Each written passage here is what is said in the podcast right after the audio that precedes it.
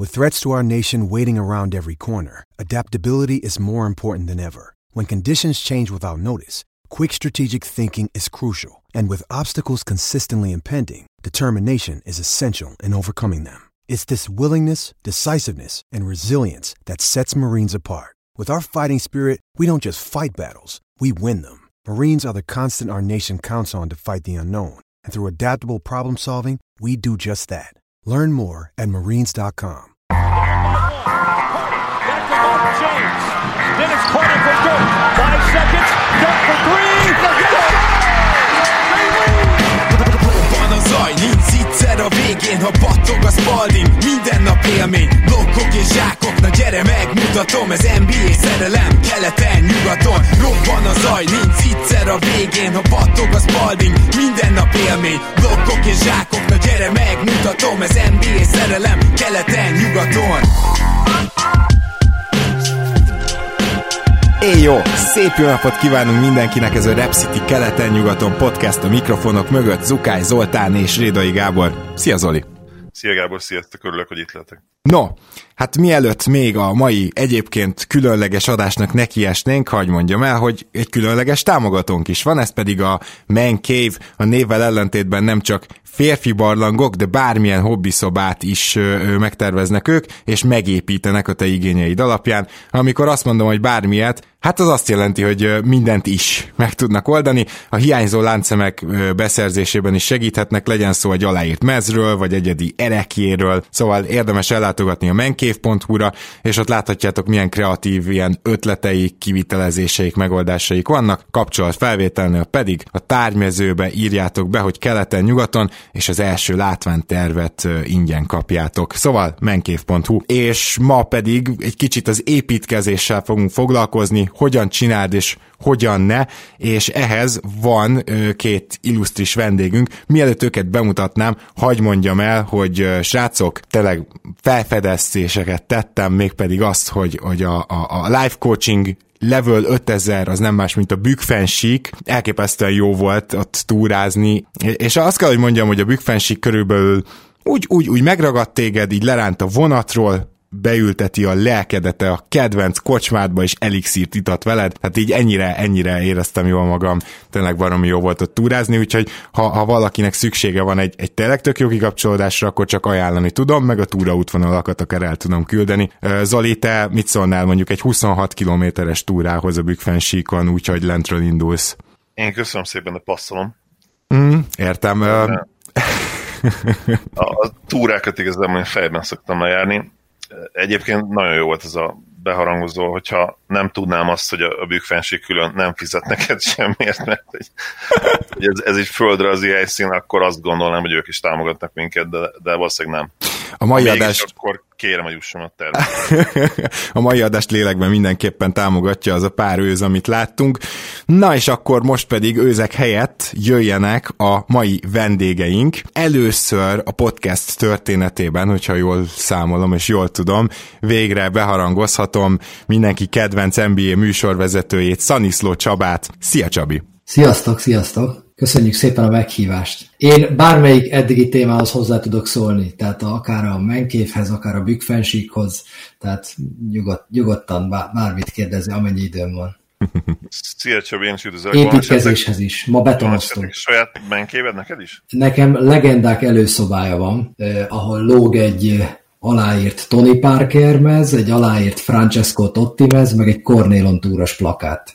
Na. Az, az nem rossz. Az, az igen. Ö, igen, hát gyakorlatilag erről van szó, úgyhogy ez tényleg telibe. És a bükfensik? Hát nekem a legjobb családi élményem ever, az nem bükfensik, de egy 22 kilométeres túra a gyerekekkel. Még amikor Boszniában voltunk, akkor tavaly mentünk el Lukomirba, ami ilyen 1750 méteren uh. fekszik fönt, és oda csak túrázva lehet feljutni, oda feljutsz, kicsit pihensz, kipihened magad, eszel egyet, mert egy, egy az az egy darab étterem van fönn, ez tényleg a semmi közepén van ott fenn a hegyekben, és aztán utána szépen visszasétálsz, délben indultunk, és olyan este nyolc körül értünk vissza, és a gyerekek is végignyomták. Szerintem az egy olyan nap, amire örökre emlékezni fogunk. Úgyhogy, úgyhogy ezek a túrázások a senki földjén, ezek tényleg a legjobb élmények. Na, és most már tudjuk, hogy a boszniai bánkút is egy, egy nagyon jó élmény, úgyhogy újabb ajánlás, kedves hallgatóink, de ajánlom sok szeretettel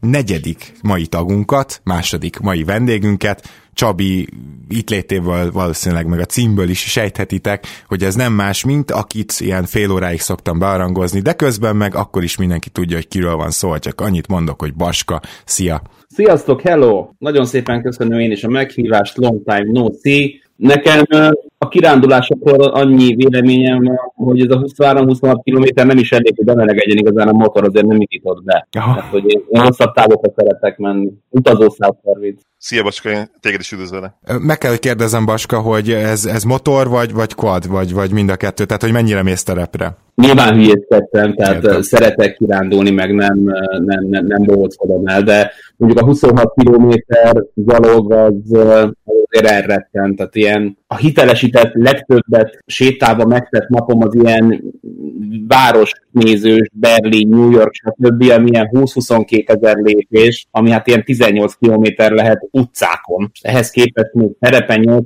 hozzátenni, az uh-huh. merész. Annyira vártam már, amikor, amikor újra lett Eliup, hogy, hogy megcsinálják ezt az adást, hogy aztán elmondhassam, hogy, hogy meghívtuk Csabit és Baskát azért, hogy kikáronkodhassa magát, de hát közben szólt ugye a Covid, és, és aztán azóta már nem csak tévében, sőt ugye most nem tévében, hanem csak podcast formátumban is hallhatunk titeket, ami azzal is jár, hogy ott is kikáronkodhattátok magatokat.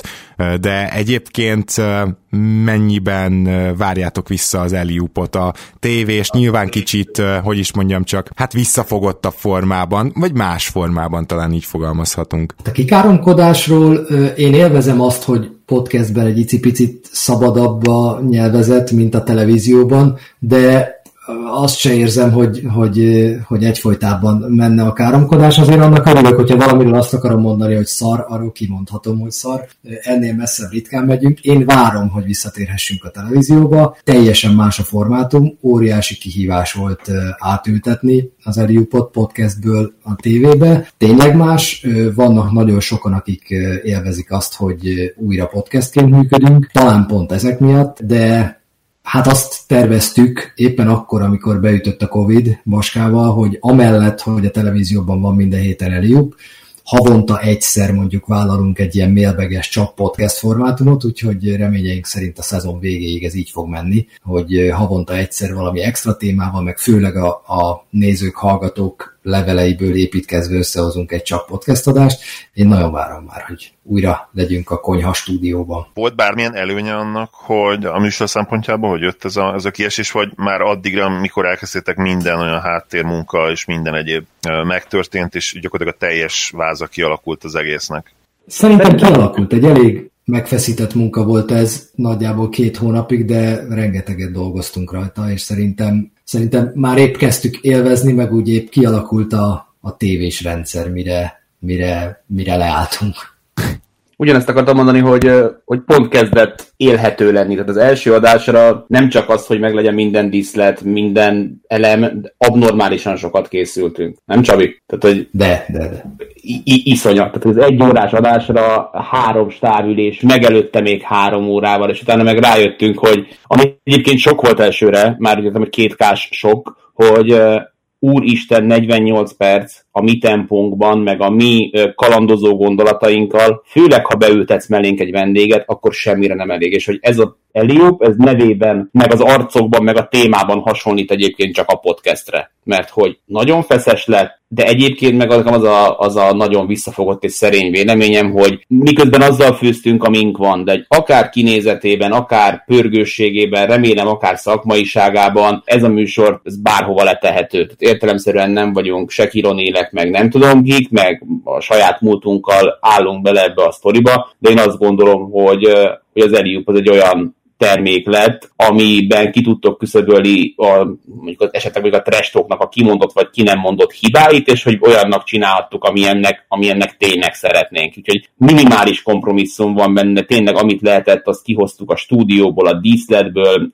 mind a témaválasztásban, és megint az a, az a feeling van egyébként benne, miközben azért ez egy kisebb vállalkozás, a, szereplők száma miatt, meg a sportágak száma miatt, mint egy trash talk, tehát ez egy alapvetően értelemszerűen nem ö, lekicsinyítve a, a stáb érdemét az operatőrök, meg akik a stúdióban ülnek, ez egy, ez egy három és fél négy személyes műsorszám, rajtunk kettőkön kívül Szabó Máté és Szasza az NBA szerkesztőnk pörög rajta, és ugyanazt látom magunkon, meg rajtunk, mint amikor elindítottuk a, a, a trash talkot annó, úgyhogy én sajnáltam, miközben meg tök jó volt, hogy lehetett megint podcastelni, és arra nagyon büszke vagyok, hogy hát talán egyszer mondtuk le, kényelmi okokból kis túlzással, és jövő héten nem lesz, mert Csabi elmegy nyaralni, de egyébként minden héten tartottuk magunkat, szerdán vagy csütörtökön felvettük. Szerintem nem vagyunk ilyen kényszeres káromkodók, nekem mocskosabb a szám egy picivel, de én azt gondolom, hogy, hogy nem tudom, 10-ből 9-et vállalok, hogy, hogy az a, a, akkor úgy adja át, amit szeretnék mondani, hogy a, hogy a mellé van téve. Kurvára egyetértek. Na de, de pont azt is szeretném mondani, hogy nyilván azért én se nagy túlzásokkal értettem ezt, de, de azért az, az is néha úgy jó tud lenni, hogyha az ember tényleg szabadabban tud például hangsúlyozni hangsúlyozni, hogy, hogy így fogalmazzak egy-egy szóval. Na de térjünk rá akkor a mai témánkra, azt javaslom, mert van egy dolog, ami, ami azért minden négyünkben közös, és ez alapján is javasoltam ezt a témát, amit ti elfogadtatok, hogy, hogy azért az elmúlt 10-20-30 kimennyi évben tényleg odafigyelve követtük az NBA-t, és hosszú távon, és ugye teljesen más hosszú távon követni a ligát, mint, mint rövid távon. Nem azt nézni, hogy oké, okay, most hopp, Terence Ross dobott 51 pontot, hogy mondjuk egy olyan rövid távú raptorzos példát, aminél mindenki érti, hogy miért nem számít hosszú távon semmit se. Hát az, hogyha hosszú távon követsz egy-egy csapatot, vagy az egész NBA-t, akkor azt látod meg, hogy a GM-ek hogyan építkeznek. Azt látod meg, hogy kinek mekkora szerencse faktor jutott, és azt is meglátod, hogy kik azok, akik szörnyű döntéseket hoznak. És erről lesz ma szó, hogyan csináld és hogy ne. Mindenki hozott egy pozitív és egy negatív példát, és uh, majd a végén lehet, hogy levonjuk a következtetéseket, de én most minden további nélkül arra kérném Csabit, hogy mondja el, hogy hogy érdemes építkezni az NBA-ben, ki a pozitív példa, és milyen nevet adott ennek az építkezésnek. Óriási mázlim van azzal, hogy San Antonio Spurs szurkoló vagyok, mert, mert az elmúlt 20 plusz évnek, ráadásul körülbelül akkor nyilván egy picivel korábban kezdtem el követni az NBA-t, amikor ez a nagy sorozat elindult, és hát azóta is tart, úgyhogy a pozitív példában nem is nagyon lehet más, mint a Spurs, ami egyébként egy abból a szempontból érdekes példa, hogy azért ez egy viszonylag jól őrzött titokról beszélgetünk, mert a, a Spursnek az építkezését azt mindig egy szóval szokták lefedni, az úgynevezett Spurs kultúra, amit szerintem egyébként le lehet bontani négy-öt pontra, ami azért elég világosan és jól látszik az elmúlt időszakból, és szerintem az is jól látszik, hogy most miért szenved magához képest egy picit a csapat, hogy mi történik akkor, amikor ebbe a, az úgynevezett Spurs kultúrába, vagy az általuk elképzelt építkezési folyamatokba egy homokszem kerül. Két dolog miatt szokták csesztetni a San Antonio szurkolókat, a 99-es csillagos bajnoki cím miatt, és ugye az elcsalt szezon a Duncan draft előtt. Most nyilván az utóbbiről beszélnék elsősorban, mert annak van, van köze a mai témához. Azért azt mindenkinek tudnia kell, hogy abban a szezonban nem a Spursnek volt a legnagyobb esély arra, hogy megnyeri a Laterit, tehát nem a Boston Celticsnek, amely ráadásul kettőt is választhatott. A Spursnek a harmadik legrosszabb mérlege volt, de tény, hogy ebből az egészből a San Antonio jól jött ki, és lett ugye egy David Robinson mellé egy Tim duncan és így kezdődött el ez az egész. De hogyha csak first pickekről beszélgetünk, akkor ugye minden évben születhetne egy San Antonio, mert azért minden évben van első pick, a kettő között azért eltelt tíz év, és ki tudja, hogy mi lett volna, ha nem sérül meg David Robinson, nem sérül meg Sean Elliott, nem lesz egy 20 győzelmes szezon. Mindig azt szokták mondani San Antonioban, hogy a sikerek titka Tim Dunk. Ugye akárhányszor megkérdezik Greg Popovicsot, ő mindig ezt válaszolja. Szerintem marhára nem igaz, csak tovább próbálják őrizni azt a titkot, amiről most mi egy picit próbálunk itt beszélgetni. Lehet, 90... hogyha Duncan kérdezik, akkor ő meg Popovicsot mondja, nem? az biztos, hogy ő Popovicsot, meg Bufordot, meg mindenkit mond, aki, aki a hierarchiában fölötte van.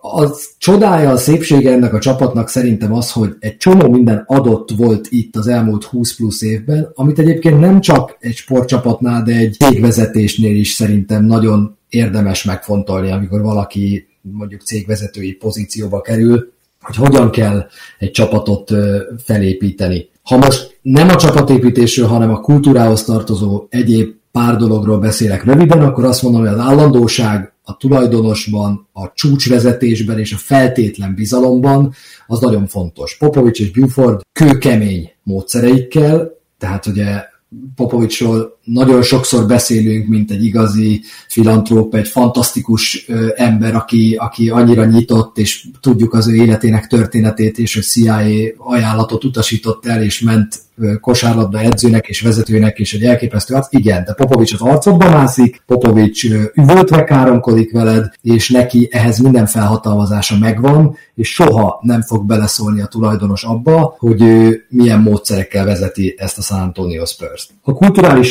sokszínűség szintén nagyon jellemzi a San Antonio-t, és ez jól mutat. Két lenyomata van ennek szerintem. Az egyik a játékosokban. Az volt a tervem első névnek, hogy egy reverse Columbus-t fogok nektek mondani, vagyis azt, hogy a Spurs volt az első, amelyik úgy hozott át európai játékosokat, akikről nem feltétlenül lehetett tudni, hogy szupersztárok, mint Ginobili az 57. vagy Parker a 28. helyen a drafton, hogy labdát is adtak a kezükbe egy idő után, és engedték, hogy ők legyenek azok, akik szabadon rendelkeznek azzal a pályán, hogy mi történik a labdával. Az előttük érkező európaiak közül nagyon-nagyon kevés játékos mondhatta ezt el magáról a ligában, akár a 80-as, akár a 90-es években, és az, hogy ők mindenkinél hamarabb nyitottak, az szerintem fontos. A sokszínűség másik lenyomata az pedig a taktikában van, hiszen a Twin Towers után gond nélkül váltottak egy pick and roll fókuszú játékra, majd egy abszolút pass happy játékra, amivel ez a 2014-es bajnoki cím kijött, és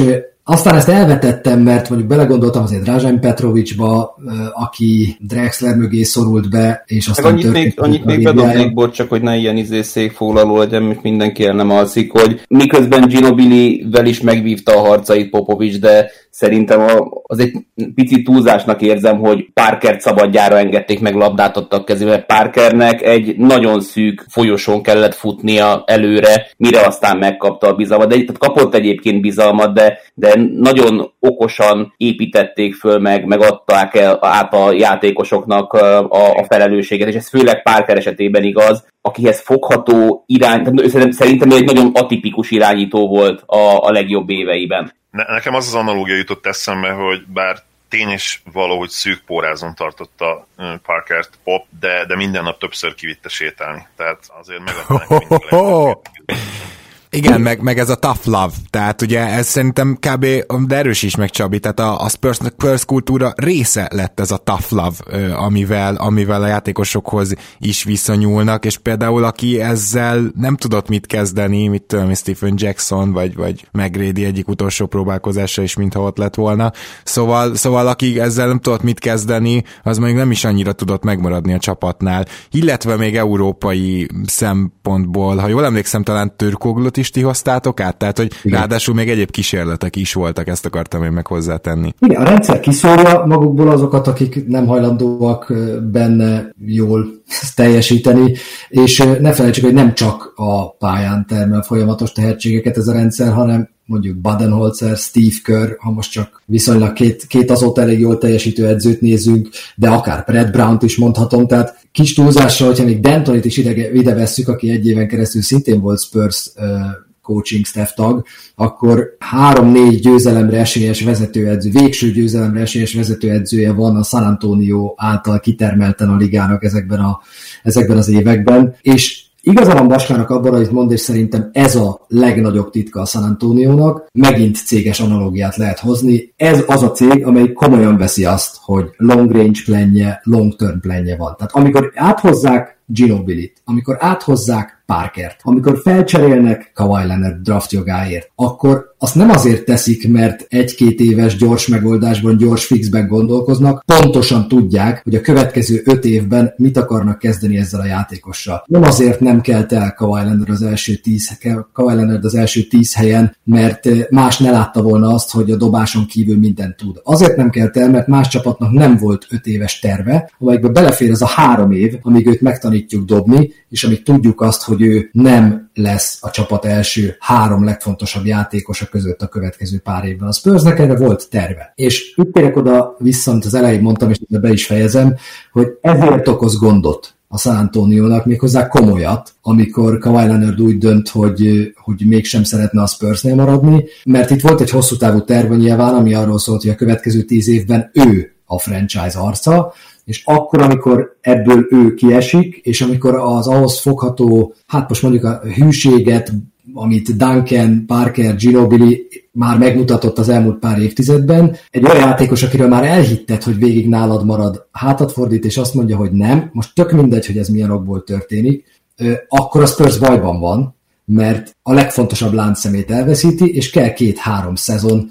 mire magukhoz térnek. Én talán még annyit tennék ehhez hozzá, hogy a, az egyik nagy előnye volt a Spursnek a 2000-es években ugye az, hogy a scoutingban egyszerűen annyira ö, a többi csapat előtt jártak, hogy ez hihetetlen, és erről több, azt hiszem, videós anyag is készült, rengetegen nyilatkoztak ezzel kapcsolatban, hogy igen, a Spurs bizony erre sokkal több ö, embert alkalmaz, sokkal nagyobb ö, hangsúlyt fektet, és szerintem ebben például azért utoléregett, tehát nem az összes csapat a Spurs-t, de jó pár csapat, tehát most már pár gárda nem csak szerencséből választ jókat, hanem, hanem igenis egy ilyen, meg, meg ez az egész scouting hálózat szerintem most már kezd univerzális lenni. Most, hogyha a focira gondoltak, ott ugye kapásból már a Football Manager nevű játékból lehet scoutolni játékosokat, tehát ilyen adatbázisok vannak létrehozva, amit te meg én is elérünk, és azt gondolom, hogy azért a kosárlabda is kezd e felé menni, talán még nem tart a foci szintjén, de, de nem is biztos, hogy most már egy 20 emberből álló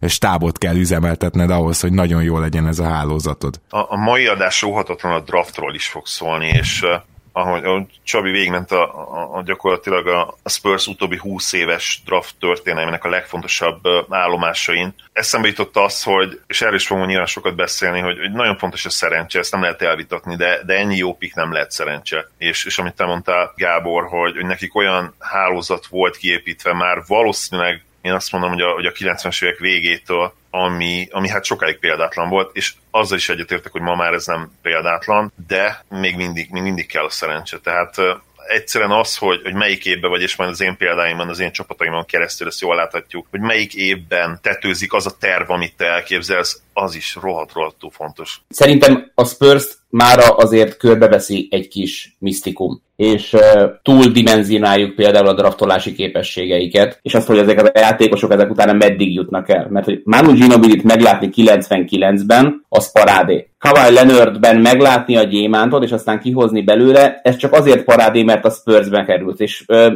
e, e, itt megint egy picit Csabival vitatkozom, és ezt sokszor beszéltük még Kawhi leonard kapcsolatban, hogy a maradék 29 csapatba kerülve Kawhi Leonardből nem lesz Kawhi Leonard. Tehát, hogy jó alapanyagokat hoznak el, de hogyha megnézed, hogy 99 után kiket hoznak el, és értelemszerűen ö, nem arról van szó, hogy, hogy mindig előválasztanak, mert nem választanak elő, de hogy azért alapembereket nem feltétlenül hoznak el és visznek. Tehát hogy szerintem egy picit ez túl van tolva a spurs kapcsolatban, mindenhez, amihez hozzáérnek arany, szerintem ez egy picit ennél árnyaltabb. Amit viszont kultúra néven elintéztünk nagyon röviden, de szerintem a Spurs sikerének kulcsa az, az hogy lehet, hogy, hogy ezt nem mondom, hogy a mezük változik, meg kb. ugyanolyan mezbe játszanak 20 éve, lehet, hogy a játékstílusuk valamennyit változik, és tényleg átadtak stafétapotokat kétszer-háromszor az elmúlt 20 évben de az nagyon fontos, hogyha te szabadon igazolható játékos vagy, vagy újonc vagy és mész egy újonc interjúra, és akkor gondolkozol, hogy milyen benyomást akarsz kelteni, pontosan meg tudod mondani 20 év alatt, hogy én a Spursbe passzolok-e vagy nem. És ez szerintem nagyon fontos, hogy mindenki, aki oda aláír, és ilyen szempontból szerintem nagyon kevés az ilyen típusú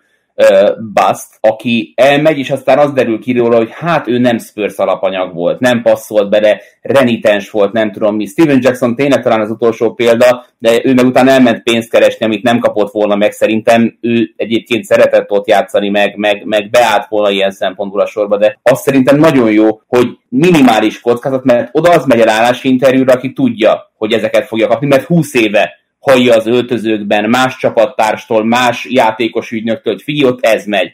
És ez szerintem nagyon minimalizálja a kockázatát És igazából az volt, hogy ők a rendelkezésükre álló pénzből 10-ből 8-szor azért tudtak, és azért tűnnek egyébként zseniálisnak, mert az ment el oda, aki tudta, hogy működni fog, mert nem akart magából hülyét csinálni. És ez szerintem az állandóság meg a kultúra emiatt is kurva fontos. Abból következik, tehát a, a 20 év állandóságából, meg hogy Popovicstól pontosan tudod, hogy mit fogsz kapni, ebből következik. Leonardnél azért én látok egy kis ellentmondást abban, amit mondtál, mert akkor most azt mondjuk, hogy Kawhi Leonard máshol nem lett volna Kawhi Leonard. Tehát bárhova elmegy, nem lett volna ő Kawhi Leonard. Azért lett Kawhi Leonard Kawhi Leonard, mert a Spursnek volt erre egy terve. Én eh, nem hiszem, hogy Kawhi Leonard esetében túldimenzionálnánk azt, hogy mit tud a Spurs. Szerintem Kawhi Leonard a tökéletes példája annak, hogy mit tud a San Antonio. Ha kell, beáldozza George Hill, ha kell, akkor feltrédel érte, mert pontosan van egy öt éves terve, és egy olyan játékost hoz ki belőle, amit se te, se én az első három évében se láttunk. Én emlékszem olyan beszélgetésre, hogy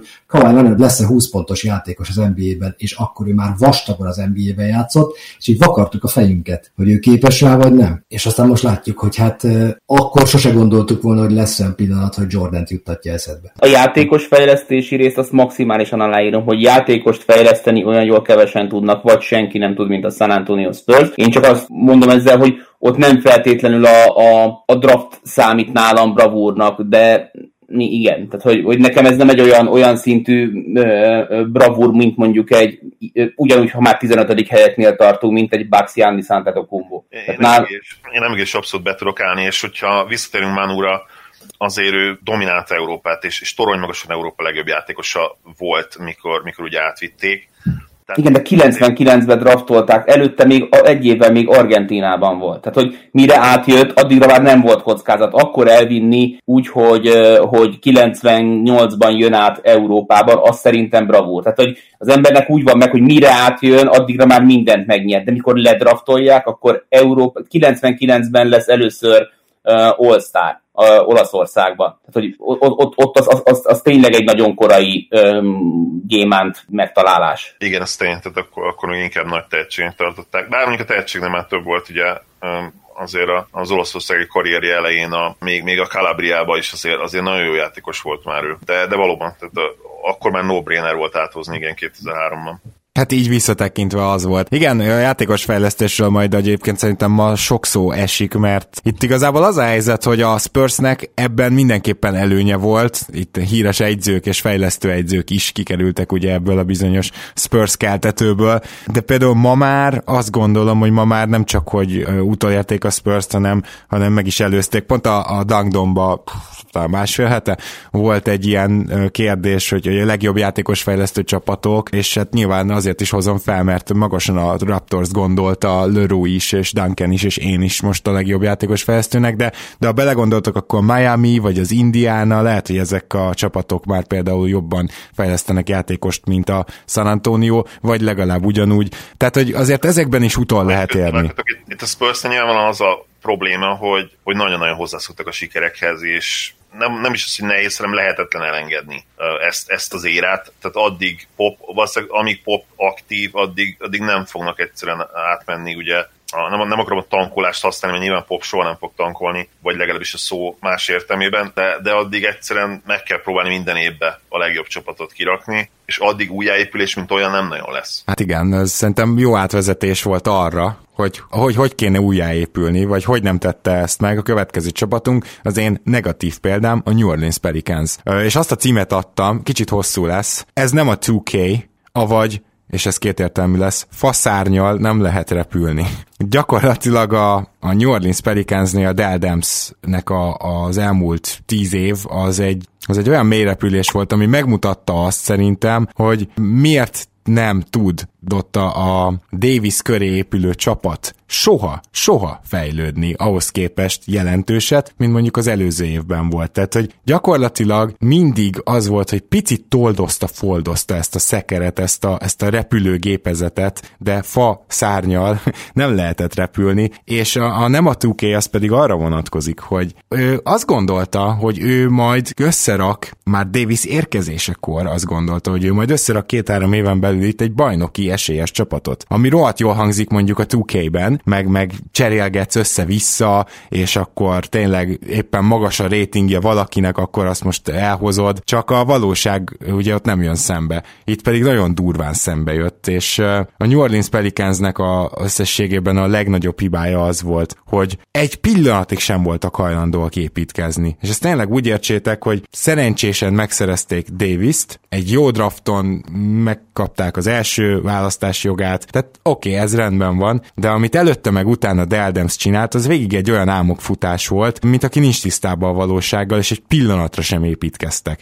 Bocsát, itt ezt az analógiát nem tudom elengedni. Tudja valamelyikőtök, hogy az eredeti Wright Flyer, ugye a Wright fivérek gépe, az ne, ne, annak nem fából voltak a szárnyai véletlenül? Mert akkor mondhatnánk, hogy lehet fa szárnyal repülni, csak hogyha ilyen szar a motorod, mint ami Dams volt, akkor biztos, hogy nem fog összejönni.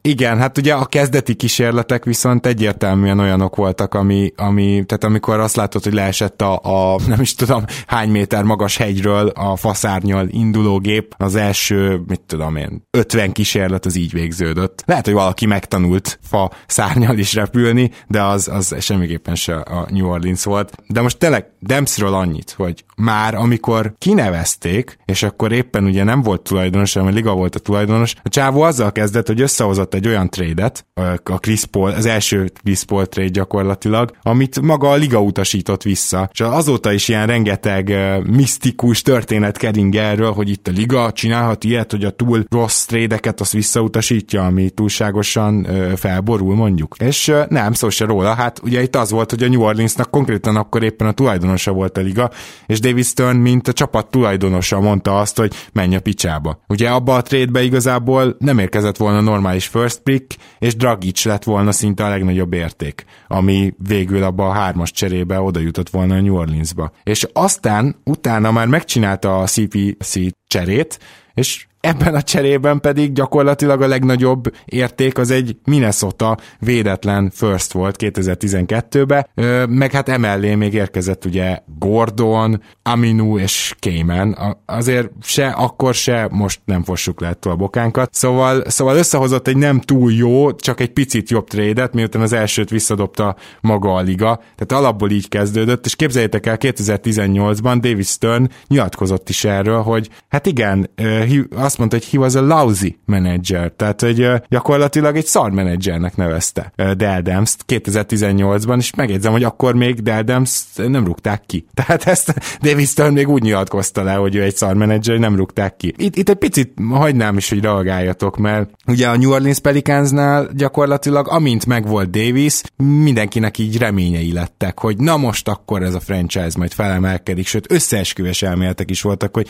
na most akkor kompenzál ugye a, a liga, mert hogy a liga irányítása alatt cserélték el végül is Chris Paul. Ilyen összeesküvés elméletek, és nem tudom milyen emlékeitek vannak arról a csapatról, de azért szerintem mindannyian rohadt sokat vártunk tőlük. Alapvetően azon gondolkozom, miközben beszéltél, hogy jó szó-e, és most így lovagolok a szavakon, álmokfutásnak nevezni uh, Dell Dance-t. Mert hogy abban van egy sietség, abban van egy ilyen izgalmi állapot. És Dell Dance nekem egy ilyen uh, ül, és így, így, így néha, jesztusan nem csináltam semmit három hónapja, az meg, hú, kit hívjak föl. Tehát, hogy, hogy az álmokfutásban van egy ilyen kapkodás, és én meg egy ilyen, egy ilyen egy teljesen egy, egy koncepciótlan, ö, abban teljesen egyetértünk, az álmokfutás az nekem, nekem mit tudom én, Isaiah Thomas fénykorára ö, jobban, jobban illik, de Deadensről nem ez jut elsőképpen eszembe, amit én egy picit védenék, hogy én nem éreztem egyébként sohasem annyira drága. Tehát szerintem amióta megvétózták a poltrédet, azóta volt, nem tudom, 66 rosszabb trét az NBA-ben, most kis túlzással. Én, én, én szerintem igen, Dragic volt az, akit mai szemmel nézve azt mondod, hogy a legjobb név lett volna ebben a korszakban, de abban az időszakban Kevin Martin az egyik premier pew shootere volt az NBA-nek. Lamar Odom elég jó pedigrével érkezett volna, meg lett volna egy Luis Kolájuk, meg elvileg kaptak volna egy 2012-es elsőkörös draft picket. Nem azt mondom, hogy ez kárpótol Pólért, vagy, vagy nem azt mondom, hogy nem nőhetett volna ebből jobban ki, de az, hogy itt egy Dan Gilbert ír árulkodó levelet David Sternnek, hogy ez egy travesty, és, és kikéri magának, és nem a New Orleans Pelicans volt itt a téma. Nem a Pelicans miatt, hanem a tulajdonosok miért akadtak ki a Lakers miatt akadtak ki. Hogy a Lakers lenne túl erős és forró. Nem a, nem a New Orleans járt volna olyan szarul, a Lakers járt volna olyan marha jól. Azért, szerintem a igen, értem én ezt, csak David Stern azt is mondta, hogy ami igazán felbaszta az agyát, az persze, akkor eresszük át ezt ezen a szűrön, de ami igazán felbaszta az agyát, az az volt, hogy Dell Demps úgy kezdett el tárgyalni, hogy megmondta azt hiszem Kapcsepnek, hogy figyelj, nekem erre van felhatalmazásom, tehát akkor csináljuk. És aztán kiderült, hogy nem, neki erre nem volt. Tehát, hogy ő az egész tárgyalást úgy csinálta, hogy ő azt hitte, hogy ehhez nem szükséges akkor Störnék hozzájárulásra, miközben meg de szükséges volt, és ezért is gőzölhetett be. Tehát hát, ez is benne van. Ez, ez, ez, nem, nem tisztázták a chain of command-et, tehát hogy így szerintem a nagy fiúk közé nem mehetsz be tárgyalni, na szevasztok srácok, itt az ajánlatom, ha a főnök engedi. Tehát, hogy onnantól olyan gyengeséget mutatsz, hogy mesztelenre vetköztetnek és kifúrnak az utcára. Tehát szerintem Dems jól csinálja ezt ebben az esetben, hogy úgy tárgyal, hogy ez mehet, az meg tudjuk, ugye, és Stern januári halála után ugye kiderülnek erre, ezzel, de kiderültek ezzel kapcsolatban dolgok, hogy a csávó azért tényleg egy, egy, egy őrült diktátor tudott lenni, aki, aki, aki a torkaszakadtából üvöltött. Mindegy, igazából nem akarom, mert hogy nagyon régen történt, de Dempsnek volt egy ehhez hasonló belépője, amiből nem nagyon tudott már ki kecmeregni, és azon túl pedig tényleg ott volt egy csodálatos, korszakos, és szerintem nem túlzás azt mondani, hogy, hogy generációs játékos Anthony Davis személyében, de nem, hogy öt éves terve nem volt, vagy három éves terve nem volt, mint a San Antonio Spursnek, hogy előbb említette, de két hónapos terve sem volt sohasem. Szerintem egyébként két hónapos, az, a, igen, értem, egy-két éves terve volt szerintem. Tehát mit csinál Dems, amennyire én visszaemlékszem a Pelicansre, miután ott játszik Anthony Davis, onnantól kezdve gyakorlatilag versenyt űzött abból, hogy az elsőkörös draft jogokat veterán játékosokra cserélje,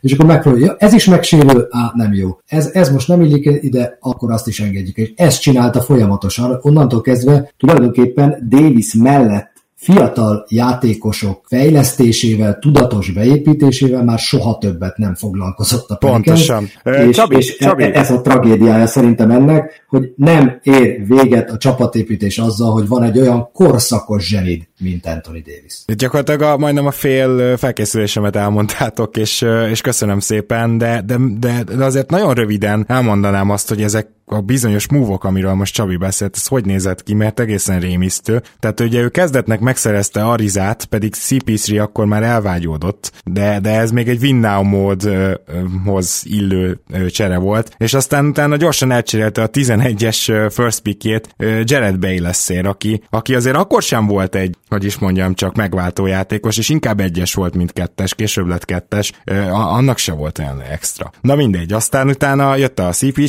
csere, ugye Stern megvétózta, itt egyébként egyetértek teljesen azzal, amit Baska mondott, persze, hogy Demsz nem mehetett be úgy a tárgyaláshoz, de azért az, hogy Demszt meglepetésként érte utána az, hogy ez még át át kell engedni egy szűrőn a legesleg végén, az tényleg fura. Egyébként én sem tartom olyan szarnak azt a cserét, amit ott elutasítottak, ez van. Szóval igazából ott tartottunk ebbe az egész történetbe, hogy aztán csak elment Chris Paul, és utána csak sikerült ugye bemákolni, vagy hogy legalábbis annyi szerencse mindenképpen kellett Anthony davis de hogy utána mi történt, az egészen félelmetes, mert ahogy Csabi is mondta, nem draftolt, ez a csapat nem draftolt se 2013-ban, se 14-ben, se 15-ben. Ugye a 13-as, 14-es pick az ment Drew Holiday-ért, amit valamennyire megvédhet az ember, mert az egyetlen olyan játékos volt, aki, akivel Davis ebben a csapatban sikeres tudott lenni. Ak- akkor már all volt, és, és fiatal volt. Igen, tehát hogy azt mondanám, hogy, hogy ez nagyjából rendben van, azért szerintem azt mindenki pontosan látta,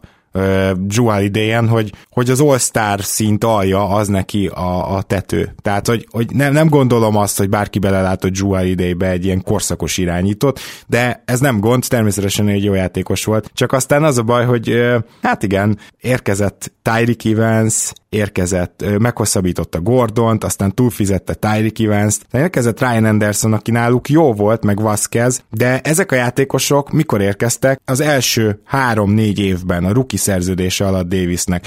És ebből látszik, hogy itt aztán semmilyen építkezés nem volt, hanem amint megvolt Davis, abba a pillanatban megpróbált egyébként nem túl összeillő, de minél jobb keretet kialakítani, és ez lehet, hogy jól hangzik, de baromira nem jó, mert hogyha tényleg abba hagyod abba a pillanatban az építkezést, hogy jó, kiúztad a generációs tehetséget, akkor gyakorlatilag nem, nem hagyott tovább tankolni a csapatot, nem hagyott, hogy további jó draftpikjei legyenek, persze ő tényleg nem hagyta el, is cserélte őket konkrétan, és lesz egy, lesz egy közepes potenciálú gárda. És ez volt a probléma, hogy egyszerűen ő nem volt hajlandó beáldozni egy fél évet se azért, hogy később majd egyszer ez a csapat bajnok lehessen, hanem megszállottan azt üldözte, hogy a következő fél évben, és tényleg nem egy évekről beszélek, hanem félről, hogy lehetne jobb a gárda, és uh, itt végig sorolhatnám az összes túlfizetését is. A másik ilyen probléma, hogy az pénzügyi mozgásteret minden egyes nyáron baszta. És ez, ez hihetetlen, de tényleg, ha végignézitek, szinte minden nyáron kötött egy rossz szerződést, mert akkor Tyreek evans is az volt,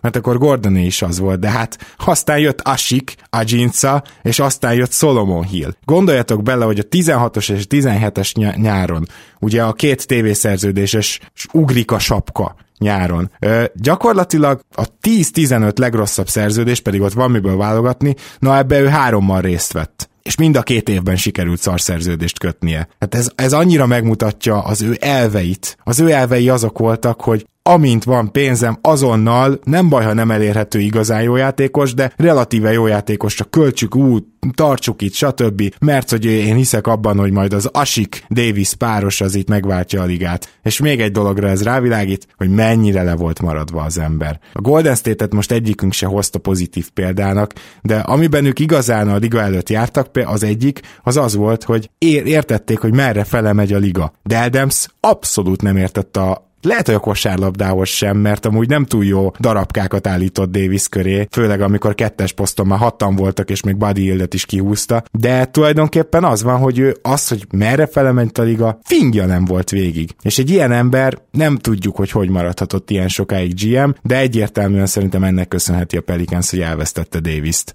Én mindenképp az, azt ki akarom emelni, hogy persze én is én is azt nem azt mondom, hogy utálom Dempset, de, de nyilvánvalóan negatívan nézem most már, és így retrospektíve nem is lehet másképp nézni őt, de azért ő csinált jó dolgokat, tehát a, az a csere, amiből, bár azt hiszem Mákkal, ha jól emlékszem, de az Anthony Davis első kiválasztás lett, azért, azért ez egy szerintem kiváló csere volt, ott ott jól érezte, hogy mikor kell elengedni Okafort, és ugye utána kivásárolták Rashard Lewis-t is, tehát nem ragaszkodott ő sem már akkor ahhoz, hogy megpróbálja még akkor a veteránokkal egy, és egy olyan csapatot felépíteni, ami, ami ugye ilyen 40 győzelem környékén végezze, ami hát szerintem, és talán itt többetek nevében beszéltek, a legrosszabb az NBA-ben, de az, az mindenképpen nagy hiba volt, hogy, hogy az Anthony Davis érában, ami ugye, hát így most már tudjuk, hogy 12-től 19-ig tartott, rossz döntéseket hozott. Ami, azok a jó döntések, amik előtte szerintem megvoltak, azok, azokkal, amikkel megágyazta az esetleges sikereket, utána gyakorlatilag a az ágyban hát becsinált, ha fogalmazhatunk így,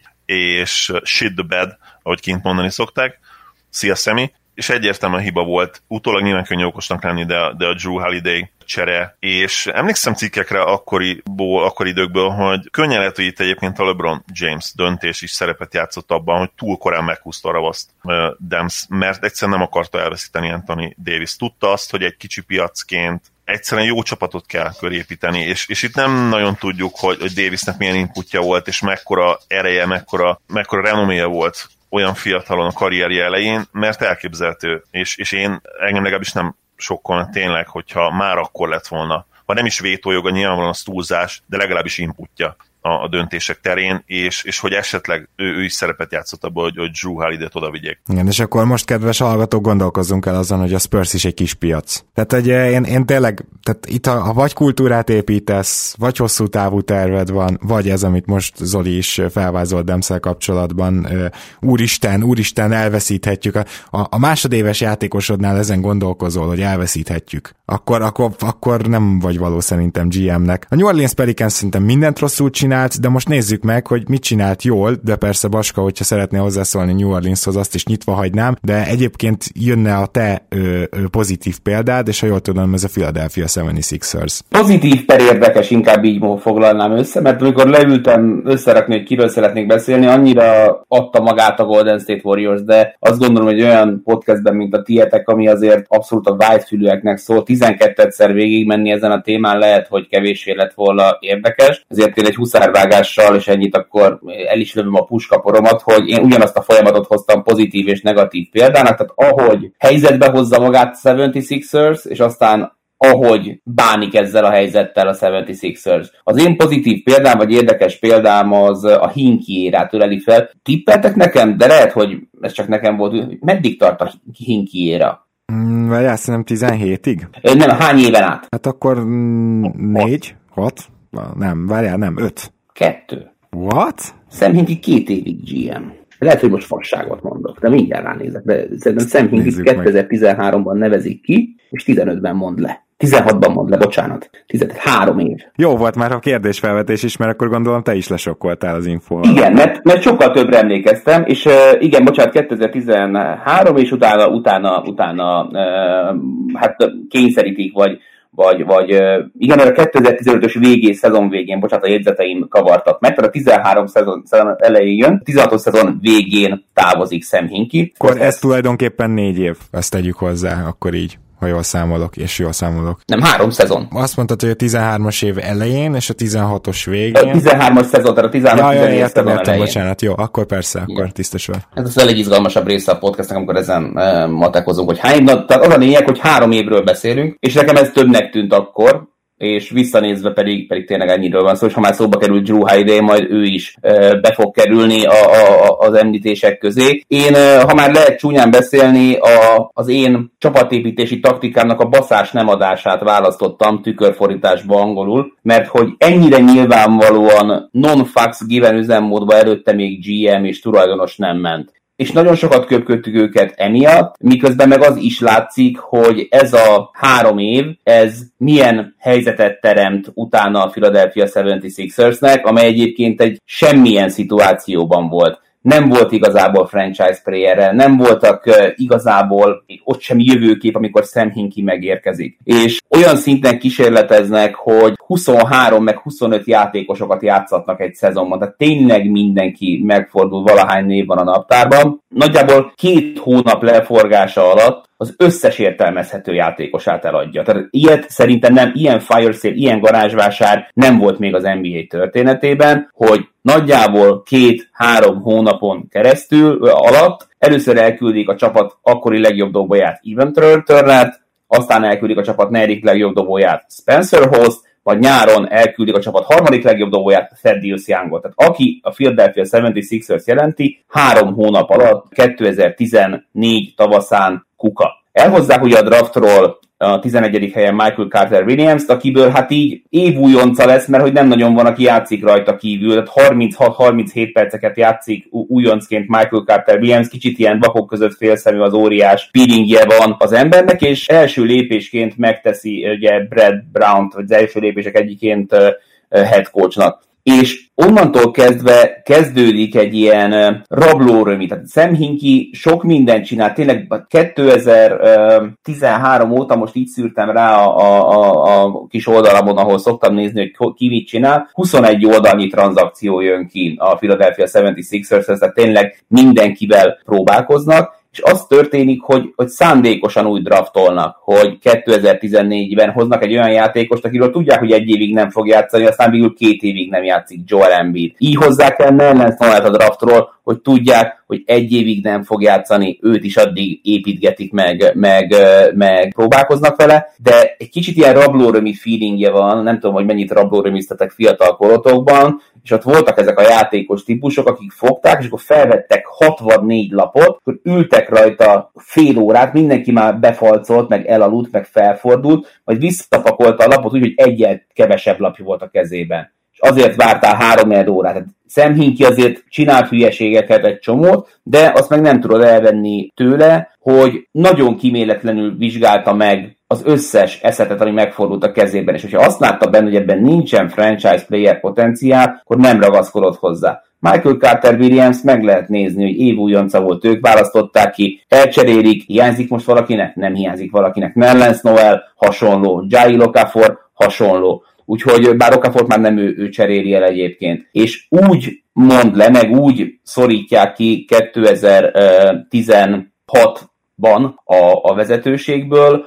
hogy maga mögött hagy egy 1 per 1-es draft picket, amiből elviszik Ben Simmons, ami azért nem volt akkoriban egy, egy, egy nagyon nagy, nagy csoda, és hagy egy Simmons, Robert Covington, Dario Saric, Embiid magot, és a kispadon van egy BS, Ilyesova Noel 3-as, kurva sok pénz a plafon alatt, és draft pickek a következő évekre. És hát ezt nem ő alatta le utána végül, de szerintem az, hogyha valamit akarsz csinálni, akkor azt szívvel és lélekkel csinálni, még hogyha akkor is rombolás, akkor szerintem az egy, ha nem is feltétlenül ér, ér, ér, követendő, meg nem is feltétlenül pozitív, de mindenképpen egy olyan példa, amit szerettem volna előhúzni, mert, mert most már még tényleg véget ért lassan négy éve ez a korszak és nagyon örülök is neki, hogy hoztad, mert Zolival hatalmas közös kedvencünk kinki, szóval nem tudom, egyébként kedves hallgatók hozzátok is szólnék, hogy volt-e olyan GM, aki miatt szabályt változtattak az NBA-ben, mert szerintem Hinki az első és utolsó. Tehát ugye a Lattari megváltoztatása az gyakorlatilag azért történt, mert Sam Hinki kimaxolta a rendszert, és Sam Hinki olyan szempontból is kimaxolta a rendszert, hogy mindenki tudta a CBA-nek a szabályait ez rendben van, mármint kivéve persze Vlade Divacot, de, de azért a nagy, részük, nagy része a GM-eknek ez teljesen tisztában volt, és mégsem merték extrém módon kihasználni. Hinkinek a cap space egy dologra volt jó, hogy szar szerződést fogadjon be, amiért pikket kap. Hinkinek a bármennyire is reklámozott, vagy, vagy futtatott, inkább így mondom, játékos, mint Michael Carter Williams, arra volt jó, hogy eladja, hogy ő neki van bármilyen értéke, és pikket kapjon, eszetet kapjon vissza.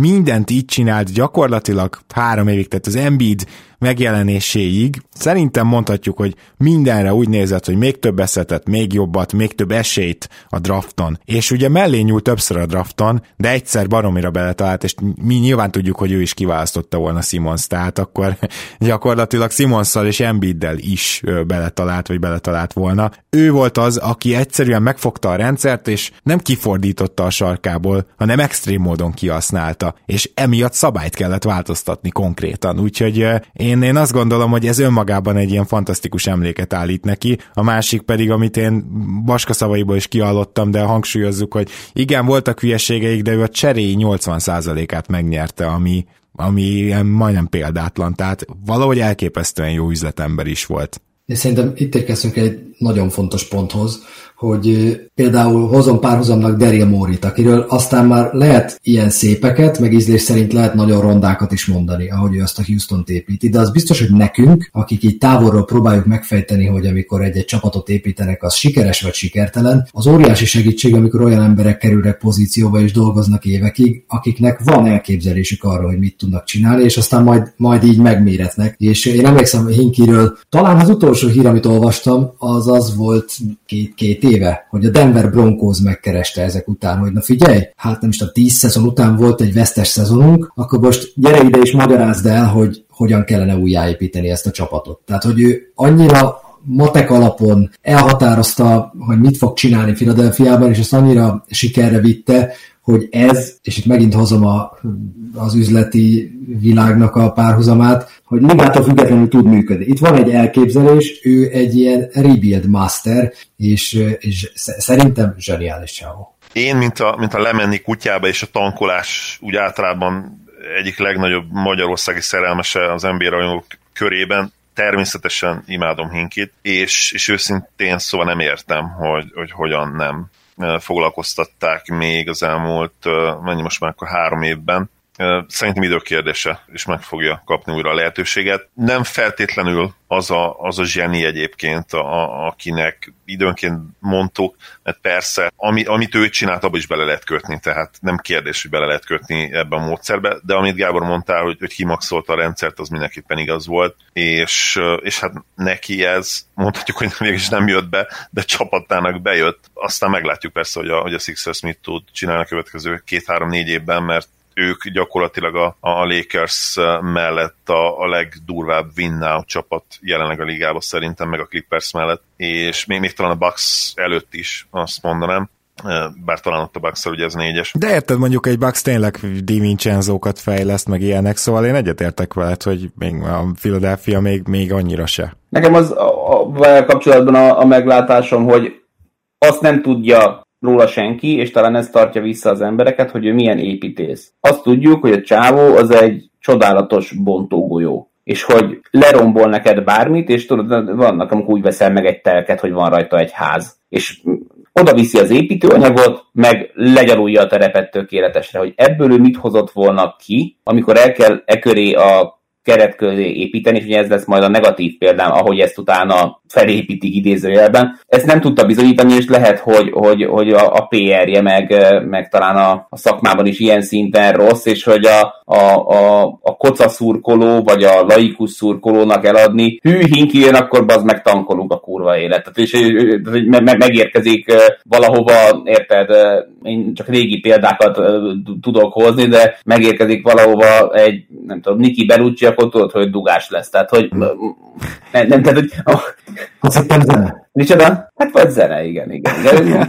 Csabi, Csabi, Csabi a zenei részé, részért van inkább oda. De igen, szóval, hogy lehet, egy szurkoló ez... kicsekkol gyakorlatilag abban a pillanatban, mondjuk, akkor most két évre kicsekkolok, hogyha azt hallaná, hogy Hinki érkezik. Lehet, le, de ez csak játék a, a, a, a szituáció, hogy megjött Hinki, mit csinált? Ú, az meg lebontotta a csapatot. Meg pedig egy csapatban, ahova megérkezik Sam Hinki, a gondold el, akkor azért mondjuk izé szólsz otthon az asszonynak, hogy a gyerek ne vegyen tartós tejet, mert hogy lehet, hogy már hogyha játékos vagy, hogy, hogy ebből lesz, lesz, lesz, lesz, lesz hamarosan egy, egy, egy további igazolás. Hát ennek nagyon nehéz a, tehát az optikáját ezt így értelmezni, meg fenntartani, elképesztően nehéz, meg biztosak vagyunk benne, hogy minden csapatnál ugyanezt csinálná Hinki. Például most, hogy már megváltoztatták a lateri rendszert, és most már nem lehet ilyen agresszívan tankolni, biztos vagyunk benne. Én, én, én inkább abba vagyok biztos, vagy én arra szavaznék, hogy nem. Tehát ő szerintem a mostani rendszert is megnézné, és ezt is megpróbálná kihasználni. Szóval én is alig várom, hogy lehetőséget kapjon, de az biztos, hogy sok évnek kell eltelnie, és nekem még van emellé ez a Silentben elméletem is, hogy a liga annyira, annyira rossz szemmel nézte, amit ő csinált, hogy nem csak szabályt változtatott, hanem azért szerintem körbe is telefonált, hogy egy ideig légy szíves, ne nagyon alkalmazzátok őt. Ezt sose fogom tudni persze bebizonyítani.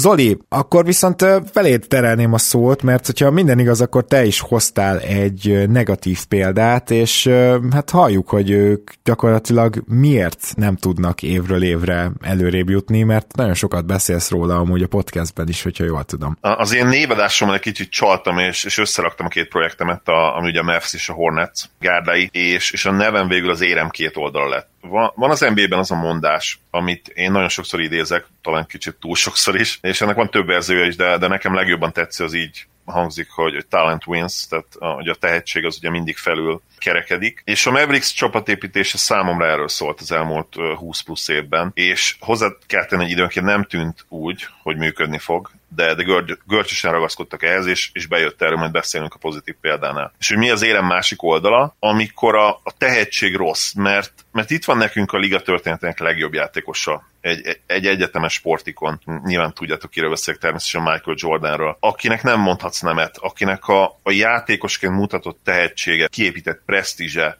az az egész legenda, ami ő azt eredményezi, azt eredményezte, hogy a környezete, és szerintem saját maga is masszívan túlértékelte őt, mint kosárlabda szakértő. És, és ennek az lett a szomorú eredménye, hogy, hogy minden idők egyik legrosszabb GM-jévé vált, vagy kosárlabda elnöke.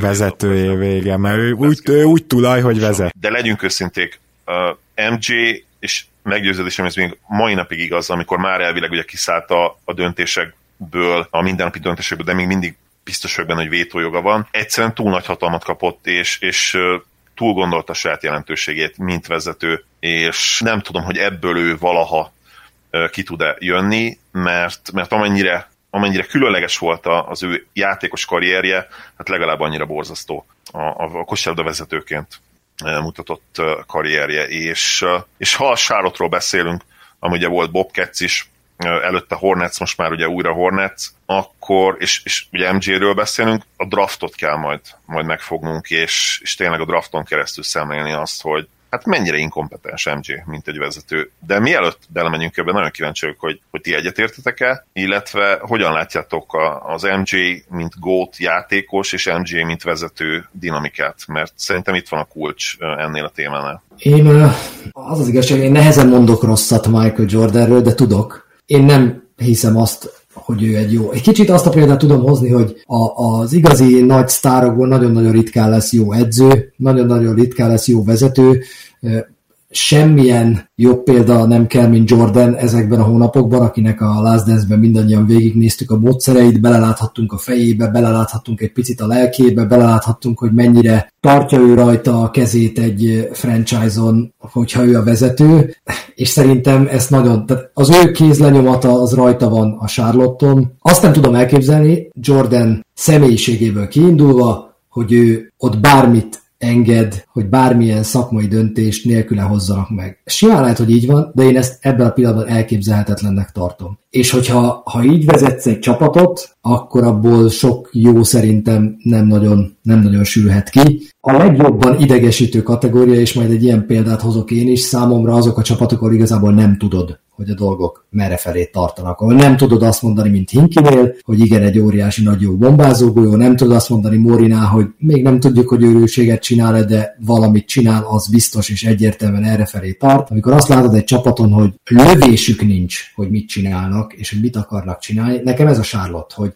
azért megyek bele nehezebben, mélyebb elemzésbe, mert, mert nem tudom, hogy ez a csapat ez mit akar csinálni. Ugye Michael Szerintem Jordan... Jordan az egyik régi főnökömnek a lenyomata, aki csinált egy reklámügynökséget, én ott dolgoztam nála, és leültünk beszélgetni, hogy figyelj, át kéne nézni ezt a bérezés szituációt. Én akkor jöttem vissza Gyesről, ez ilyen közepesen ismert tény, hogy én voltam itthon másfél évet főállású apukaként, visszamentem, és hát így jó lett volna, hogy a gyes előtti fizetésemet így megkapja. Hogy mondom, hogy figyelj, mi lenne, ha, és mondja, hogy hát de várjál, várjál. Én ebben a koromban tudod, mennyit kerestem? Mondom, figyelj, nem, de mi köze van ez most a szituációnak? Tehát szerintem Michael Jordan nem akar napi szinten foglalkozni a Charlotte hornets de amikor leülnek, hogy na figyelj, itt van ez a Kemba gyerek, micsoda? 190 millió dollár. Hát hat év alatt kerestem volna, sőt, mikor, de nem, szerintem benne még az van, hogy mindenkit lenyomnék még. De most ezek ilyen nagyon-nagyon izé, bulvár, bulvár komment a véleményemről, de mivel egyikünk se tud semmit, mindenki azt képzeli el, bár ilyen szem, hogy mi van Jordan fejében. De szerintem benne az van, hogy ezeknek ennyit fizessek, mert azért a, a, a, a Hornetsnél van szerintem egy elég komoly commitment probléma anyagilag, hogy, hogy nem engedik dönteni őket, és költeni sem őket, és ez, ez a legrosszabb a kettő közül, tehát amikor egy Kemba Walker-t lóbólozol, és nem is picit lóbólozol egy ajánlattal, aki tényleg szerintem szíve szerint nyugdíja ment volna még arról a, a, a szarhelyről is, akkor ott szerintem komoly gondok vannak. És hogy, hogy ő várja, hogy majd egyszer jön egy játékos, akire majd jó szívvel tud költeni, meg jó. Nézd mi volt ezzel a francia gyökérrel, és idehoztam azt azóta két egyeneset nem lép. Tehát szerintem neki ilyen nagyon komoly trust issue vannak játékosokkal, szakvezetőkkel. Van egy barátom, akinek a nagymamája mondta egyszer, állítólag egy városi legenda szerint egy, egy családi eseményen, hogy a süteményre jár, rájárt a gyerek, hogy nem az a baj, kisunokám, hogy sajnálom, csak hát fogy. Úgyhogy szerintem Jordannel is ez van, hogy nem az a baj, hogy sajnálja a pénzt, csak hát fogy, és erre, és nem tudom mit, ennek a fickónak is beszélgettünk erről az egyik Eliubban, ahol Cornél azt állította, és megint ez csak spekuláció, bár ha valaki akkor spekuláljon ő az NBA-ről, hogy szerintem neki kellett az a badge a, a gamification hogy first major black owner, és hogy ez megvan, kiszállni meg most már nem akar belőle, biztos sok papírt kell aláírni. De tényleg jobb ötletem nincs. Igazából a könyvben is, amit éppen fordítunk Zolival, és már szerencsére bőven a vége fele közelítünk, szóval ott is lenyilatkozza ezt, hogy ő nem érti azt, mert, mert nem értette azt, amikor ugye sérült volt abban a szezonjában, azt a második szezonjában, hogy, hogy hát miért voltak vele ilyen óvatosak, és a média rögtön elkezdett spekulálni azzal kapcsolatban, hogy hát igen, ők azért nyilván, hogy minél jobb draft picket szeretnének most. És ez lehet, hogy igaz is volt, de Jordannel nem ezért voltak óvatosak, tehát Jordan nem ezért nem hagyták gyorsan visszajönni, így is sokkal gyorsabban jött ugye vissza, mint tudjuk. Na, na de akkor Jordan lenyilatkozta, hogy ő nem érti, nem bírja ezt elképzelni, és utólag is lenyilatkozta, még a Hornets vezetőjeként nem bírja ezt elképzelni, hogy, hogy direkt rosszabbak akarunk lenni. Ő számára ez, ez nem létezik, mert ott senki se arról beszél, hogy mond meg a játékosoknak, hogy hagyd ki azt a meccsel döntődobást, meg ilyesmi. Nyilvánvalóan ezer útja lehenne annak, hogy, hogy ne legyenek annyira jók, de Jordan egyik utat sem, mindegyiket árulásnak érzi, na. És, és valószínűleg ez a direktíva, amit kiad minden év elején, vagy minden ilyen nagyobb megbeszélésnél, hogy, hogy a direktíva az, hogy minél jobbak legyünk, ahogy csak lehet, és a jelenlegi keretet is így használjuk, és nagyon érdekes, hogy ez a winning culture megakadályozza a winning culture-t. Hát ennél szebben nem tudom mondani. És egyébként, mielőtt belemegyünk a konkrét szezonokba és a draft pickekbe, a Charlotte-ról mindent elmond, hogy amikor még sikerül is borzasztó rossznak lenni, azt is a lehető legrosszabb évben teszik, és uh, ugye a lockout szezonról is beszéltünk, vagy a vagy amikor, de amikor hét győzelmet számoltak konkrét, számláltak konkrétan, az ugye a mai napig minden idők legkevesebb győzelme egy szezonban, persze kis segítséggel ugye a lockout év kellett hozzá, de, de hogy még akkor is, tehát vagy rossz a draft, vagy, vagy akit ők kiválasztanak, az, az pont, pont a rossz játékos, hogy, hogy amikor ők, ha nem is tankoltak, de legalábbis borzasztó rosszak tudtak lenni, és egyébként volt egy év, amikor tankoltak, amikor elcseréltek gyakorlatilag mindenkit, ak- akkor se jön össze. E, ez most már egy, egy minta, egy, egy kirajzolódó évtizedes minta, ami nem tudom, mikor fog véget érni. Talán egyébként most, mostában pont, hogy kezd változni. Ezzel azt is mondod, hogy Jordan például nem hajlandó költeni a scoutingra, a stábjára, vagy, vagy, vagy nem hajlandó például a legjobb szakembereket alkalmazni az ilyen felméréseknél? Tehát mire akarsz utalni ezzel, hogy, hogy ez már nem csak egy minta, mert, mert valóban sok volt azért az elcseszett draft pick náluk. Alapvetően a legnagyobb probléma nyilvánvalóan az, hogy hogy, hogy MJ legfontosabb célja minden évben az, hogy, hogy ültessük be a nézőket a, a, a stadionba, a csarnokba, és értem persze, mi, nagyon sok, vagy hanem mindegyik csapatnak ez az alapvető célja, de ő, ők nem nagyon tudnak ettől, ettől egy pillanatra sem el, eltérni, és az igazolások is egyébként mindig, mindig ezek, mindig ezt tükrözték. Persze, mint, mint kicsi franchise, amelyik ugye nem feltétlenül a legnagyobb városok egyikében van, ugyanazok az alapvető problémákkal küzdenek ők is, mint, mint az NBA összes kicsi franchise-a, de, de az a fura számomra, illetve hogyha MJ teljes vezetői históriát végignézzük, akkor valószínűleg nem fura, hogy az ő személye, az ő szerepe sem inspirálja egyik nagy sztárt sem soha arra egyébként, hogy odaigazoljon, vagy megfontolja őket, mint, mint komoly destináció. És akkor, hogyha ez ugye így van, akkor mi marad a draft, amiben, amiben különlegesen rosszak, és azért extra vicces egyébként ez, mert vissza kell ugye mennünk még, még a Washingtonhoz, és MJ első és talán leginkább elhíresült húzása az ugye a Kwame Brown pickhez, ami még a, a második visszatérte előtt uh, történt meg, ugye, amikor azt hiszem akkor is ilyen President of Team, President of Basketball szerepben volt ugye a Wizardsnál. Utána róla a 2000-es évek közepén kezdett azért elterjedni azt, hogy ő egyébként nem egy rossz draftoló, és aztán ez teljesen megfordult, és, és hát végleg vagy ha nem is végleg, de legalábbis azóta most már egyértelműen kirajzolódott, hogy ő egy borzasztóan rossz draftoló. És mint, mint talent evaluator egyszerűen messze nem üti meg azt a, azt a szintet, amit, amit az átlagos scoutok megütnek az NBA-ben, és ebben benne lehet az is egyébként, amit Vaska mondott, hogy, hogy valószínűleg ő a, a day-to-day-vel nem foglalkozik, egyszerűen nincs ideje foglalkozni, ő, az ő networth az ő értéke anyagiakra átfordítva, hogy most már több mint két milliárd dollár. A, mondhatjuk, hogy a sportruházat világon belül az, az ő brandje, az ő albrandje, ugye pontosan nem tudom, talán Baskebe tud segíteni majd, hogy még mindig valamilyen szinten a Nike-hoz is tartozik, de ugyanakkor ugye hozzá is. Abszolút Nike attribútum még. Hát hiszem a legnagyobb önálló brand a senior melegítő volt a 80-as években.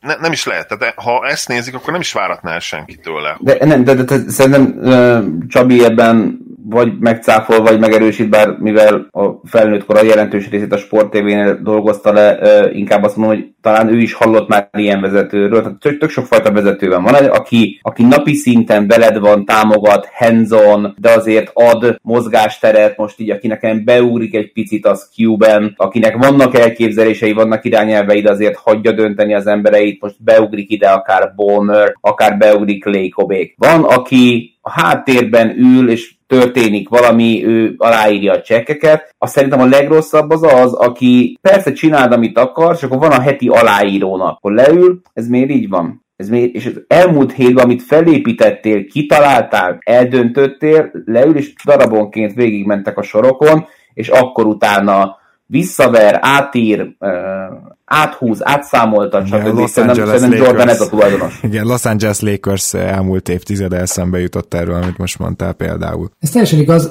és még a hetit én bővíteném, tehát még az is simán lehet, hogy ez havi. És, és az meg még egyen rosszabb, mert akkor akik azt hiszik, hogy az a dolguk, hogy építsenek valamit, azok felépítenek neked egy stratégiát, vagy gondolkodjunk kisebben, egy tervet, egy, kidolgoznak egy ötletet, stb. Már beleéli magát, hogy megcsinálhatja, és akkor jössz te havonta, és azt mondod, hogy állj, ezt én így nem, ezt, ezt én nem így akarom. És így, így nagyon-nagyon nehéz előre menni. Különösen az NBA-ben, de Zoli majd szerintem megerősít ebben, de hogyha a Hornetsnek a különböző igazolásait, amiről Zoli már beszélt, végignézed, akkor egyértelmű, hogy, hogy gyakorlatilag amikor volt egy közepes név, akkor azt rendszeresen túlfizették, és erre viszont akkor igent kellett mondani a Jordannek. Na jó játékos ez a Batum, persze, ó, Zeller, hogy ne, tartsuk meg, ennyiért is persze, tehát hogy, hogy gyakorlatilag minden ilyen döntésnél viszont, mint hogyha nem tudom, azt sütne át, hogy, hogy annyira nem követi a ligát, hogy, hogy nem ért most annyira hozzá.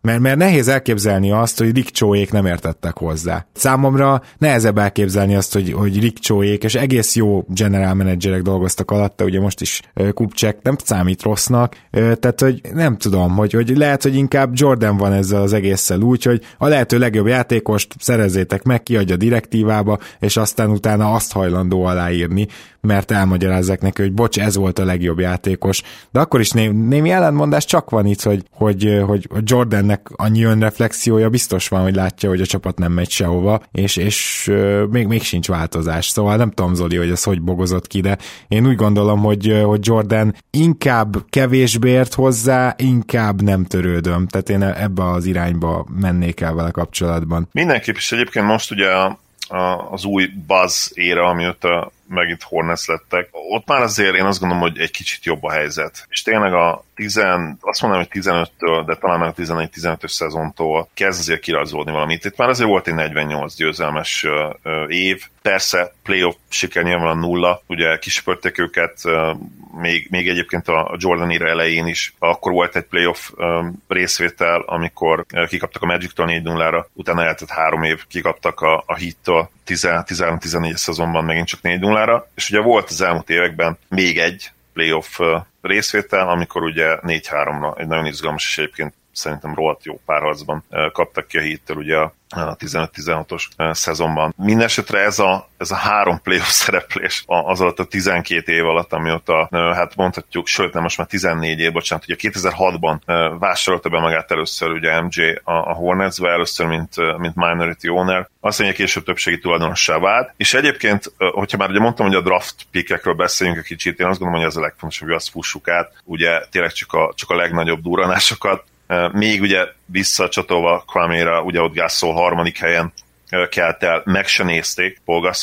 Volt egy, egy workout a második pick, ugye Tyson Chandler és, és az első pick aki ugye végül az első picket Colin Brown között, ahol Brown dominálta egyébként Chandler, és ezért választották ki őt gyakorlatilag, de meg sem nézték azt a Paul Gasolt, akinek azért brutál jó pedigréje volt, és mindenki nagyon nagy tehetségnek tartotta. Később ő nyerte meg ugye az év újonca díjat, és természetesen azóta tudjuk, hogy egy First Ballot Hall of Famer karriert tudhat maga mögött, amit nem sokára be fog fejezni egy év Barcelona levezetés után valószínűleg. És, és akkor tényleg csak a highlightok. 2006 az első év Adam Morrison harmadik pickkel, amikor ott van egy Brandon Roy még 2007 Brandon Wright, akit elcseréltek ugye a 27 éves Jason Richardsonért. Ez egyébként nem is volt annyira rossz move, én azt mondom, ugye Richardson lett a franchise történetének első osztárja. 2008 DJ Augustin, ez, ez nagyon-nagyon rossz pick volt, 8. helyen úgy, hogy utána ott voltak még a Lopez ikrek, de, de például az Zivaka, George Hill és Bátom Trio is, akiket persze MJ a vezető, Bátumot úgy is be tudta nézni, nem is ő draftolta le később, ugye,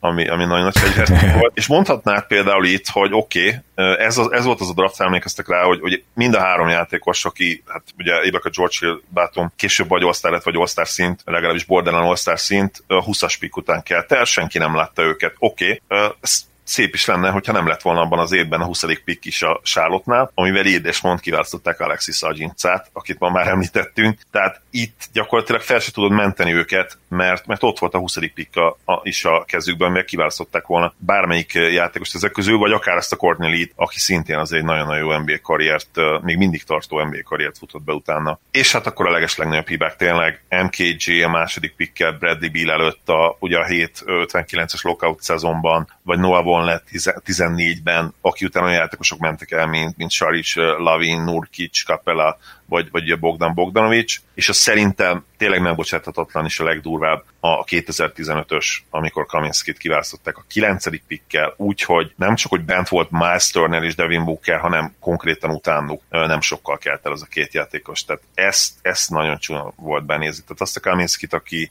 egy, egy öreg rookie volt, hosszú egyetemi karrierre, és igazából nem nagyon csinált sok mindent. Persze a modern NBA bedobja a triplát, tökre szerettük, de, de őt kiválasztani ezt már egyébként akkor sem értették nagyon sokan. És ugye azt itt, itt jegyezzük meg, hogy a Boston állítólag ezért a pickért négy darab first picket, lehet, hogy nem olyan erőset, de négy darab first picket ajánlott, hogy ezt hogy nem fogadták el, teljesen megmagyarázhatatlan. Igen, és én azt gondolom kitaláljuk, hogy kit, volna, kit vitt volna a Celtics, hogyha, hogyha meg, meg tudják szerezni ezt a picket. Hát valószínűleg nem Frank Kaminsky. Igazából a Hornetsnél a rossz draftolás mellett a rossz igazolások is jelen vannak, de azt is vegyük figyelembe, hogy valahogy sosem tudnak igazán rosszak lenni, mindig van egy-két játékos, aki bejön nekik, és az az érdekes, hogy Kembán kívül viszont ilyen hosszú távú franchise player szerűséghez közük sem volt az elmúlt 15 évben, nem?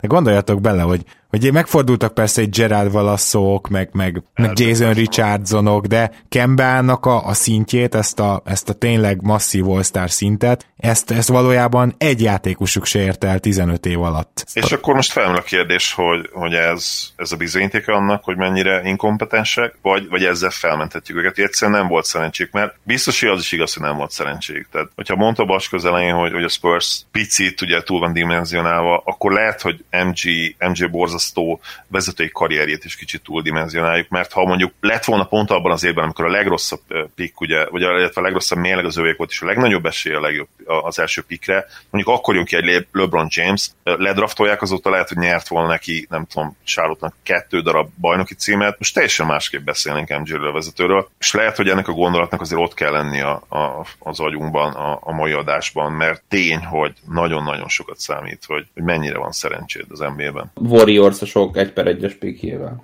Igen. Szóval, hogy azért én nem engedem el Jordan-t a horogról.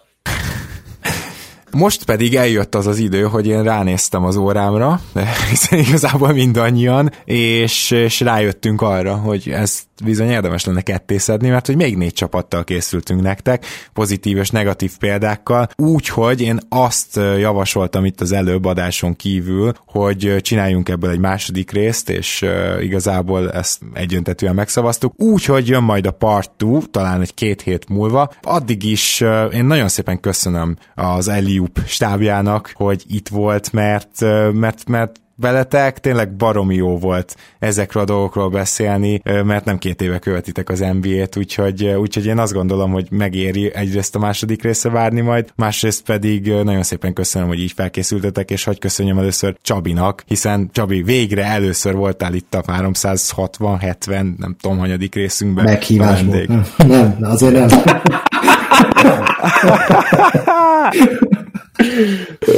Mondjuk azért belünk időpontot egyeztetni, azért nem egyszerű srácok, ezért utólag is volt.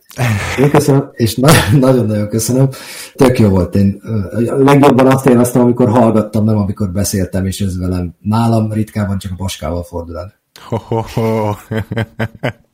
Marska, köszi Igen, szépen. Én is, én is nagyon köszönöm a lehetőséget. Én voltam reggel, mert én nekem a hetem az eléggé kaotikus volt, úgyhogy én reggel 6.30-as csörgő órával indult. Nekem péntekenként a cég elengedi harmadik éve a pénteki munkavégzést, tehát hogy mi négy napos munkarendben vagyunk. Király. Most ebben az évben sem változott, de én 7 órakor keltem, és egy ilyen rövid testmozgás után elkezdtem, és mondom, a tökömén nem lehet arról beszélgetni, hogy melyik a kedvenc messz számunk, basszus, vagy nem tudom micsoda, és aztán utána, amint rá állt az agyam arra, hogy, hogy miről szeretnék beszélni, úgy élveztem a készülést, úgyhogy, úgyhogy tök jó volt, meg értelemszerűen az adásban is jó volt lenni, úgyhogy azért is gondoltuk egyöntetően, hogy ne vágjuk el kurtán furcsán, hanem akkor fejtsük ki ügyesen a végét. 77-es remélem a kedvenc messzemod, vagy, vagy ha most még nem is, akkor, akkor hamarosan az lesz. Többször is láttalak uh, Luka uh, Mezbe, illetve Pulcsiba, nagyon-nagyon tetszenek, úgyhogy...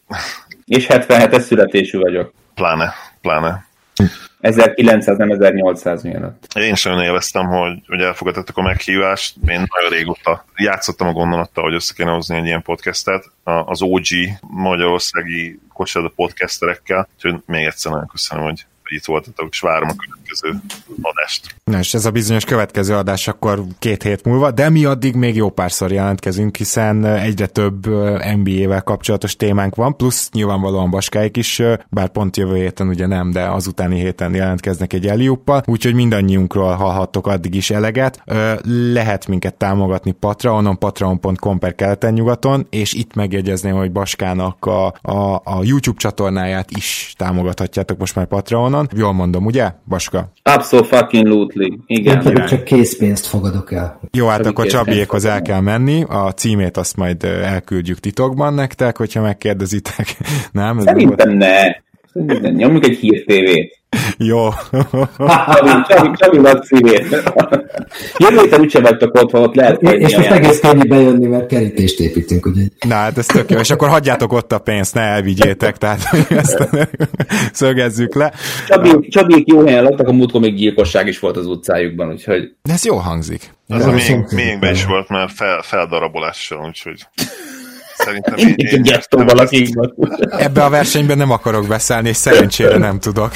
Szegál, az utca, tarts ki. Köszönöm szépen, hogy itt voltatok, és akkor jövő héten jelentkezünk, kedves hallgatók, minden jót kívánunk nektek. Sziasztok! Sziasztok! Hello! Sziasztok!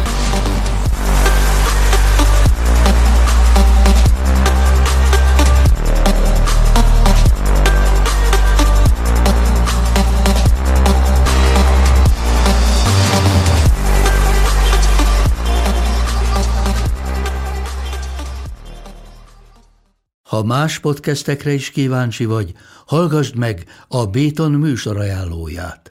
El tudod képzelni, hogy a podcastet, amit éppen most hallgattál, fél év múlva már a mesterséges intelligencia generálja? Mi sem. De ha érdekel, eljött már a gépek lázadása. Hallgass bele az Embertelen podcastbe. Orsós Lajos vagyok, a műsor házigazdája. Egyelőre még élőben. Egyelőre. Fedezzük fel együtt, hogyan ismerkedik, randizik, mesél és vitatkozik Betty és Péter, két teljesen mesterséges intelligencia. Lajos, a podcast címét mond még egyszer, Léci. Oké. Okay. Embertelen podcast. Ez a műsor a Béton közösség tagja.